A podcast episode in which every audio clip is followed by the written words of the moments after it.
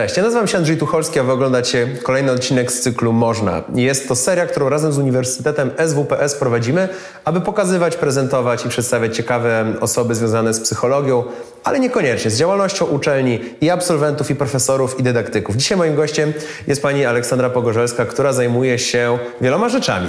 Zaczęło się od psychologii sportu, potem pojawił się coaching, potem pojawił się biznes, a jakoś teraz jest trochę powrót z tego, co zrozumiałem, do logiki psychologii sportu, do tej czystości wyzwań. Chciałbym się odpytać, jak to się u pani zaczęło z tą psychologią? Przede wszystkim ja byłam przez 15 lat e, zawodniczką wyczynową triatlonu. Ścigałam się e, w triatlonie, byłam mistrzynią Polski i to był taki mój pierwszy, e, pierwszy zawód, czyli AWF. Zrobiłam papiery trenera pływania. I to było coś, co najbardziej mnie interesuje. Natomiast przez całą karierę zastanawiało mnie, jak to jest, że jedni wygrywają, drudzy nie, a mają te same możliwości, ten sam trening, być może ten sam talent. No i zaczęłam tego dociekać. Zaczęłam się interesować psychologią, motywacją, celami, wizualizacjami. I tak trafiłam na psychologię e, do Warszawy, na SWPS, skończyłam ją. Połączyłam AWF z SWPS-em i z tego wyszła psychologia sportu. Super. Co łączy mm, sport i biznes? Bo to jest... Trochę postudiowałem, więc się mądrze i teraz mi się to wydaje całkiem sensowne, ale tak się spojrzy z daleka, to nie widać od razu połączenia. Tak, kiedyś nasz y, wybitny psychoterapeuta Wojciech Hechelberger powiedział, że biznesmeni to są też sportowcy, ale korporacyjni. E, czyli i sportowiec, i biznesmen ma cel, przeżywa stres, e, ma trening, e, zakłada sobie cele, zarządza, zarządza tym stresem, e, ściga się, rywalizuje. Tak naprawdę sportowcy mają trochę lepiej, tylko dlatego, bo mają cały sztab, który o nich dba. Lekarz, masażysta, fizjoterapeuta. O biznesmena tak naprawdę nikt nie dba. On realizuje te cele i ta energia, którą ma do wydatkowania na treningu sportowiec, no biznesmen może ją tylko do środka implozyjnie wy, wydatkować, także tym to się różni. Nie brzmi zdrowo. Nie brzmi zdrowo, ale wiemy też, że wielu biznesmenów dzisiaj bardzo dba o swoje zdrowie, coraz więcej osób się rusza, coraz więcej biega. Tak jak powiedziałam e, w naszych rozmowach przed, że e, bardzo dużo moich klientów, e, których coachuję, prezesów, prezesek, dyrektorów, dyrektorek, bierze się za sport i mówi, że bierze się dlatego, ponieważ sport pozwala im przetrwać na wysokim poziomie e, tego stresu, realizacji celów, no i w tej długoterminowości. Także to im pomaga. Czym się różnią mm, cele, z którymi przychodzą e, sportowcy, a z którymi przychodzą biznesmeni? Jeśli jak, gdy potrzebują coacha. Chodzi mi konkretnie o wsparcie psychiczne. Myślę, że nie różnią się tak bardzo, oprócz takiego samego celu samego w sobie, że tutaj jest e, wynik sportowy, a to jest wynik biznesowy. Natomiast to, co się dzieje w sesjach pomiędzy, to jest życie, to jest po prostu życie. I tak samo sportowiec, tak samo biznesmen mogą rozmawiać o tym, co się dzieje u nich zawodowo, co się dzieje prywatnie, o czym myślą, o czym marzą, czego im brakuje. To są dla mnie bardzo podobne obszary i bardzo podobne osoby. Mm, Chciałem poruszyć temat, który mnie prywatnie interesuje. Coaching dla sportowca i coaching dla biznesmena, takim wysokim, wysokooktanowego biznesmena, jest nastawiony na pewnego rodzaju ekstrema. Jest jakiś zdefiniowany cel, jakaś wielka fuzja. Sportowiec ma ten cel wpisany bardzo często w dziedzinę, którą się zajmuje. Rzucić dalej, zdobyć czas, wykonać perfekcyjnie jakąś sekwencję ruchową. A co ze stresami, z wysiłkami ludzi, których praca jest trochę bardziej po prostu, która nie jest nastawiona która, na, na wielkie cele, która nie jest nastawiona na jakieś gigantyczne obroty, na wielkie fuzje. Czy takie osoby też powinny się interesować szukaniem wsparcia? Jeśli tak, to jakiego? Czym to by się różniło? Myślę sobie, że e, ci biznesmeni na wysokim poziomie i sportowcy na wysokim poziomie są po prostu bardziej świadomi. Są świadomi tego, dokąd dążą, jaki jest ich cel, gdzie zmierzają, jak to odmierzyć w czasie, jak sobie ułożyć zadania. Natomiast y, ludzie, y, którzy gdzieś zaczynają może swoją karierę, zaczynają swoją ścieżkę, no szukają tego celu, nie są jeszcze tak mocno świadomi, doświadczeni. Natomiast narzędzia, które się odbędą w coachingu, które są w środku, są bardzo podobne. Mamy tam trochę inną motywację, trochę inną perspektywę patrzenia na, na, na sukces, na cel, a, ale myślę, że narzędzia, narzędzia, które używamy w coachingu, byłyby podobne. Czy każdy powinien się rozwijać? Bo wydaje mi się, że teraz trwa taka dosyć potężna faza gloryfikacji i rozwoju, że człowiek musi przejść do przodu. A, a co jeśli ja się czuję szczęśliwy na przykład? Jak, jak coachowie patrzą na taką sytuację? To dobrze, to, to, To o to chodzi? To ja bym pana nie zaczepiała, żeby pan do mnie Nie przyszedł. grzebać, nie, nie zamieniać dobrego w lepsze? Coaching ma to w sobie, że y, do coacha przychodzą ci, którzy chcą. Do coacha przychodzą ci, którzy są y, w jakimś momencie kariery, w jakimś momencie życia, y, wiedzą dokąd chcą dojść, mniej więcej określają to lub czują dokąd chcą dojść. Oni przychodzą tam świadomie, oni przychodzą tam z taką potrzebą. To nie jest tak, że coach stoi na ulicy i ich nagania. Chodźcie, chodźcie, rozwijajcie się. E, nie wszyscy czują potrzeby rozwoju i często mówimy, że rozwój dzisiaj to jest to, że biegamy na szkolenia, na warsztaty, wyjeżdżamy na obozy, a przecież tak naprawdę rozwój to jest też takie zwykłe życie. To, że codziennie coś zobaczymy, codziennie z kimś porozmawiamy, to też jest rozwój. Jest bardzo duży nacisk kładziony na kompetencje, które można jakoś nazwać, a nie na przebieg nawet emocjonalnego rozwoju przecież. Dokładnie. No, mhm. Patrzymy dzisiaj na naszych studentów, którzy e, definiują siebie, swoją, e, swoją taką wartość poprzez to, że skończą studia, zrobią dyplomy, ale też taki, takich trochę weryfikuje rynek pracy. Natomiast y, potem, kiedy zaczynają pracować, y, w miarę doświadczenia, w miarę lat dostrzegają, że najważniejsze jest to, co budujemy w sobie, w środku. Moją pewność siebie, moją samoocenę, moje widzenie przyszłości, to okazuje się, można powiedzieć, y, bardziej wartościową umiejętnością. W jaki sposób coach może pomóc komuś znaleźć cel? Coach przede wszystkim zapyta klienta o wartości, zapyta o to, co lubi, z czym mu najlepiej, y, co, co on myśli o tym, co by chciał robić, kiedy czuje się dobrze, kiedy ktoś coś wykonuje. Coach będzie pytał, a klient będzie odpowiadał, bo coaching mówi o tym, że klient zna odpowiedź, klient ma zasoby w sobie. My tylko musimy dobrze zapytać, co lubisz, jaka jest Twoja wartość, co kiedyś lubiłeś, co teraz, co mogłoby Ci pomóc i tak dalej, i tak dalej. I dobrymi pytaniami możemy człowieka uświadomić w tym, co on już ma. Nie, w, nie tym, że możemy mu powiedzieć coś, tylko chodzi o to, że uświadomimy go, że on tam ma w sobie. No i dobry coaching to jest taki, kiedy klient wychodzi i myśli, że to wszystko jest jego i on sam to zrobił. Właśnie pytam się, bo mam konkretny przykład na myśli. Ma znajomego, który kiedy da się mu stronę internetową do zrobienia, po prostu czas przestaje się liczyć. On będzie siedział 2-3 dni, on to uwielbia, zrobi sobie tonę kawy i będzie robił. Ale z drugiej strony on ma z jakiegoś powodu wielkie przekonanie, że on musi robić fotografii i on po prostu no, nie może spać jak ma sesję, on nie lubi tej fotografii, ale i na nie często narzeka, ale i wszyscy dookoła tak, stary, to rób te strony internetowe. Ale on jakby nie, bo to nie jest moja prawdziwa praca, Czemu mamy takie rozbieżności? No często, często taka praca może się wiązać z czymś, tak? Coś, co mi da, daje praca. No, daje gratyfikację finansową, yy, daje mi pewność, bo dobrze się w tym poruszam, bo robię to już dosyć długo. Yy, często lubimy jednak być w takim, można powiedzieć, ciepłym gniazdku, a nie wychodzić gdzieś poza schemat, poza kontekst i robić coś nowego. Yy, może być to obawa, może być to wyzwanie, może być to jakby strach przed rozpoczęciem czegoś zupełnie od nowa. A może być to też tak, że nie mieliśmy czasu przysiąść i sobie uświadomić, co jest dla mnie najważniejsze, zamknąć oczu i powiedzieć sobie, że o, za dwa lata to by było dokładnie to, gdybym to rozwijał. Czyli generalnie warto czasami samego siebie o coś spytać i się wsłuchać w to. Przede wszystkim trzeba pytać samego siebie, niekoniecznie biegać do coachów i doradców od razu. W mojej prywatnej ocenie zawód coacha jest fenomenalny. Mam blisko znajomą, która pomogła masie ludzi, właśnie zawodowego coacha, pomóc z y, przekwalifikowaniem się zawodowym. Zorientowali się, że ich aktualna ścieżka dobiega końca, zmieniają się rynki, ona im pomaga przetłumaczyć coś, co umieją na jakąś nową formę zawodową. I takich sytuacji jest masa. Na przykład w tej rozmowie nie ma wątpliwości, że, że, że klienci w tym przypadku są ludźmi, którzy wiedzą, czego chcą i ten coaching im dał jeszcze lepsze wyniki. Ale z drugiej strony, medialnie coaching ma trochę słabe wiatry teraz. Jak się powie coach, no to to brzmi śmiesznie. Są fanpage, które nawet z tego mocy śmieją. Z czego płynie taki dysonans? Być może z przebodźcowania, że tych coachów jest tak dużo, oni pojawiają się w każdej dziedzinie. E, mamy, mamy coachów biznesowych, sportowych, e, trenerów mentalnych, trenerów rozwoju osobistego. Tego jest bardzo dużo. E, ten rynek się rozwinął w ostatnim czasie bardzo mocno. E... Czy jedną może być ta nagłość? Bo to naprawdę tak. są ostatnie trzy lata, tak w ogólnej Dokładnie. publicznej opinii. Z drugiej strony myślę sobie, że może to być też tak, że mm, ludzie nie do końca wierzą, że można iść do coacha i tam dostanie się jakąś złotą radę, e, tak jak ten coaching czasem się reklamuje. E, bo kojarzy nam się, sukces kojarzy nam się tutaj w Polsce z ciężką pracą, z tym, że trzeba zakasać rękawy, że trzeba długoterminowo. Mm, być może pójście do coacha kojarzy nam się z tym, że ktoś da nam złotą radę, że to będzie jakiś lekarz, który gdzieś nam rozwiąże problemy. Nie wiem, czy mogłabym się wypowiadać na temat takiej medialności zawodu coacha i jak coachowie ten swój zawód pokazują e, w, w telewizji. Ja o swoim zawodzie mogę się wypowiedzieć, że e, do mnie trafiają klienci, którzy chcą. E, do mnie trafiają klienci z przypadku, trafiają ci, którzy chcą, którzy chcą się rozwijać, w pewnym momencie gdzieś spotkamy, czy jestem polecona komuś i ktoś się odzywa.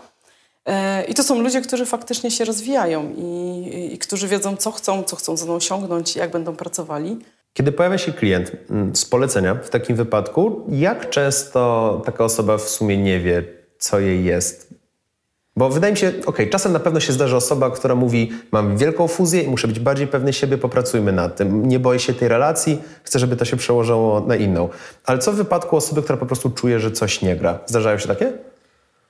Zdarzają się, ale rzadko, przynajmniej w, moim, w mojej praktyce. Yy, raczej trafiają klienci, którzy wiedzą, co chcą, ustawiają ramy tego, gdzie by chcieli e, dojść, ustawiają cele, bądź mają intencję jakąś, którą, tak jak, tak jak Pan powiedział, chcieliby zrealizować. Ale zdarzają się też osoby, które gdzieś słyszały o coachu, yy, trafiają i mówią, wiesz Olu, nie wiem co robić, nie? robię to, to, to, ale nie wiem na przykład jak rozpocząć swoją ścieżkę zawodową. I to się często zdarzają ludzie po studiach, absolwenci. Tak zwany kryzys końca studiów. Tak, kryzys końca studiów, co tu robić? Wtedy coaching pomaga e, pokazać takiemu e, klientowi, że e, co robiłeś podczas studiów, co już masz, jakie masz zasoby, jakie masz umiejętności, jakie masz kompetencje, jak to możesz zebrać. I coaching jest wtedy wówczas taki, takim najpierw zbieraniem tego wszystkiego do kupy, a potem szukaniem z klientem, co, jak mogę to wykorzystać, co ja bym chciał w życiu robić, jak mogę te swoje zasoby wziąć, wziąć w ręce i zacząć działać. Coach musi mieć bardzo dużo kompetencji, bo na przestrzeni tylko tej rozmowy już wiemy, że coach musi się dobrze znać na psychologii motywacji, musi się dobrze znać na mm, psychologii osobowości różnic indywidualnych, aby wiedzieć, z kim rozmawiać, ale też na przykład musi mieć rozeznanie jako poradnia pracy. Dokładnie. Y, z biegiem czasu zauważam, że pracując z zarządami jako coach, mhm. pracując y, w firmach, w korporacjach, wiedza coacha to nie tylko wiedza o tym, jak zadać dobre pytanie coraz częściej wydaje mi się, że klienci też cenią, e, cenią coacha, że zada trafne pytanie. A żeby zadać często trafne pytanie, trzeba mieć trochę wiedzy. E, w jakim momencie je zadać, w jakiej chwili odpowiedniej wyczekać, do jakiego klienta, w jaki sposób je zadać, bo przecież nie będziemy tak samo traktować mężczyzn, kobiet, prezesów nastawionych mocno na cel, nastawionych mniej na cel. Ta umiejętność obserwacji tego, co się dzieje, tych swoich klientów, myślę, że jest jedną z takich ważniejszych umiejętności coacha, żeby osiągnąć sukces. Czyli doświadczenia też się nie przeskoczy zawodowego? Doświadczenia się też nie przeszkodzi, natomiast nie straszyłabym y, naszych absolwentów, że nie mogą szybko zostać coachami, y, bo nic tak, nic tak nie uczy jak praktyka. I ja jak zaczynałam coaching, to po prostu praktykowałam, gdzie się dało. Y, to ze znajomymi na początek, to potem w jakichś grupach, to się gdzieś dołączałam, to, to do, do, jakiegoś coacha się przytulałam, żeby z nim móc popatrzeć i nie zniechęcałabym tutaj. Aż się nagle człowiek znajduje na tym najwyższym levelu. Tak, aż nagle okazuje się, że już umiesz zadać dobre pytanie, już nie patrzysz z kartki, co miało się, mhm. co miało się zapytać, wychodzi ci już naturalnie, wchodzi w płynność. Ale to, co mogę powiedzieć, to yy, przykład zeszłego tygodnia. Jestem na coachingu zarządu yy, i rozmawiamy o polityce i teraz coach, który nie wiedziałby, jak się wypowiedzieć, yy, nie wiedziałby, co powiedzieć w takiej luźnej, godzinnej rozmowie, no nie, nie zyskuje zaufania klienta. Dlatego ja wyznaję zasadę, że uczyć się, czytać, obserwować rzeczywistość, to co się dzieje społecznie, bo to jest też wa ważna kompetencja w naszej pracy z klientami. Aby umieć złapać jakąś kotwicę porozumienia w rozmowie, faktycznie. Ja mam takie pytanie, które wróci troszeczkę do początku, bo usłyszałem, że też pojawia się taka opcja jak na przykład coaching zarządu. Czy jeśli są pewne podobieństwa pomiędzy coachingiem trenowaniem, mentorowaniem sportowcom i biznesmenom, czy też się przekłada to podobieństwo na drużyny sportowe i na, na przykład na zarząd, na drużyny biznesowe, czy już ta struktura bardziej przeszkadza w biznesie? Te podobieństwa, jeżeli chodzi o budowanie zespołu, e, kształtowanie tej drużyny czy budowanie celów, to są, to są bardzo podobne rzeczy, bo e, i w biznesie, i w sporcie myślimy o tym, jak optymalnie, jak wygrywać, jak zorganizować tak biznes, żeby on przynosił nam e, nie tylko zyski oczywiście. Tak samo w drużynie patrzymy, jak zoptymalizować wszystkich zawodników w jednej drużynie, żeby była synchronizacja. Są to bardzo, e, bardzo podobne rzeczy. Mm, w biznesie być może jest taka różnica, że tam mamy właściciela, prezesa, który gdzieś na końcu podejmuje ostateczne decyzje. W przypadku sportu mamy trenera, ale nad trenerem mamy zarząd, sponsora itd., tak itd. Tak e, ale motywacja, która, e, która przyświeca działaniom i członków zespołów sportowych, i członków zespołów biznesowych, to są bardzo podobne rzeczy. Ja mam takie pytanie, bo przygotowując się do wywiadu, natrafiłem też na działalność fundacji, która zajmuje się, jakby to powiedzieć, ideałami pozytywnego sportu, przenoszeniem koncepcji i tego, co dobre w sporcie, na również inne dziedziny życia. Hmm, najróżniejszego, nie tylko zawodowego, ale też na przykład na relacji międzyludzkich. Jakie mogą być plusy, kiedy się zacznie myśleć w kontekście dobrego sportu, fair sportu i rozwojowego sportu w innych dziedzinach życia? Co to może przynieść? Sport przede wszystkim nam przynosi dużo takich umiejętności, y, umiejętności takich życiowych, codziennych, czyli umiejętność zorganizowania się, punktualności, uczciwości wobec siebie, wobec innych, zasad fair play. E, rozwoju, bo w sporcie musimy się rozwijać. I teraz y, wszyscy ludzie, którzy trenują, y, to są ludzie, którzy, których potem możemy bardzo łatwo wypatrzyć, na przykład w biznesie.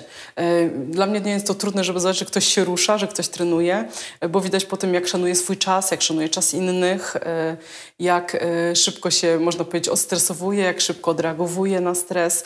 Te wartości, które w fundacji promujemy, to jest takie spojrzenie na to, że czy to jest sport, czy to jest biznes, to on powinien służyć rozwojowi, rozwojowi takiemu szerokiemu. Nie tylko to, że realizuje się w sporcie, ale to też, że realizuje się społecznie, rodzinnie e, i jeszcze w różnych innych dziedzinach.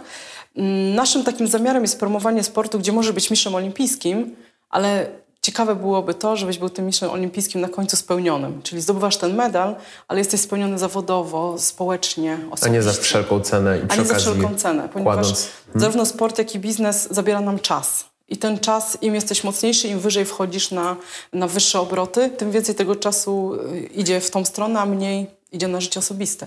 I to wydawałoby się, że logiczne, ale jest dużo sportowców i dużo biznesmenów dzisiaj już, których możemy obserwować, o których możemy czytać, którzy starają się równoważyć i też osiągają czy to medal olimpijski, czy to zarabiają y, wielkie pieniądze, tudzież budują wielkie firmy. No dla mnie ciekawym przykładem jest Richard Branson od marki Virgin, bo on ma chyba z 60 parę lat, jeśli nie 70 prawie. Od 70. Tak, e, marka Virgin, więc cały świat w biznesie i setkach firm, a on non-stop praktycznie jest z rodziną, po prostu nauczył się z nią jeździć, podróżować, jeszcze do tego w, chyba ostatnio się w kitesurfing wkręcił i ciężko go w ogóle ściągnąć z zatoki.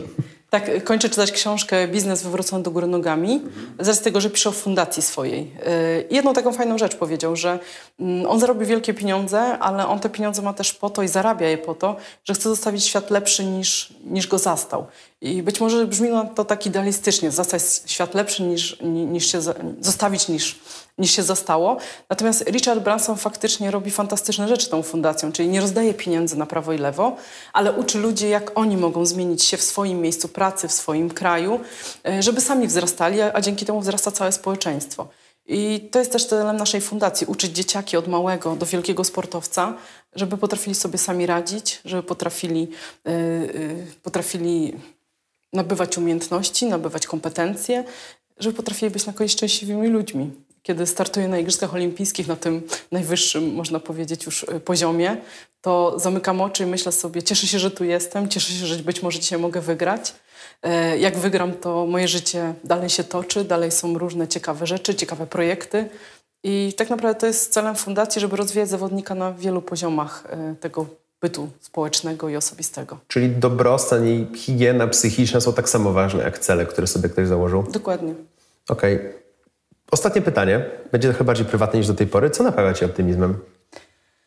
Optymizmem, jak wstaję rano na mojej wsi, y, na której mieszkam, to myślę sobie, że mam takie życie, o jakim sobie marzyłam że zajęło mi to sporo czasu, żeby takie życie sobie ułożyć tak, jakbym chciała. Natomiast dzisiaj już mogę powiedzieć, że to jest tak, jak chcę. Wstaję, pracuję tam, gdzie chcę, robię to, co, to, co lubię, to, co przynosi mi radość. Yy, korzystam z różnych, yy, z różnych rzeczy, spotykam ludzi, dzięki których się rozwijam, między innymi tutaj na SWPS-ie yy, czy w moim biznesie. Mm, po prostu lubię to co, to, co robię i cieszę się, że jest coraz więcej ludzi, którzy też szanują samych siebie i robią rzeczy z pasją. Czyli przekazujesz dalej wartości, które też cechują Ciebie w tej chwili. Myślę sobie, że moją misją jest y, przekazać jak najwięcej rzeczy dla innych, swojej wiedzy, po to, żeby oni też wzrastali, po to, żeby świat był lepszy. To życzę, żeby wyszło w takim razie. Bardzo dziękuję za rozmowę. Dziękuję.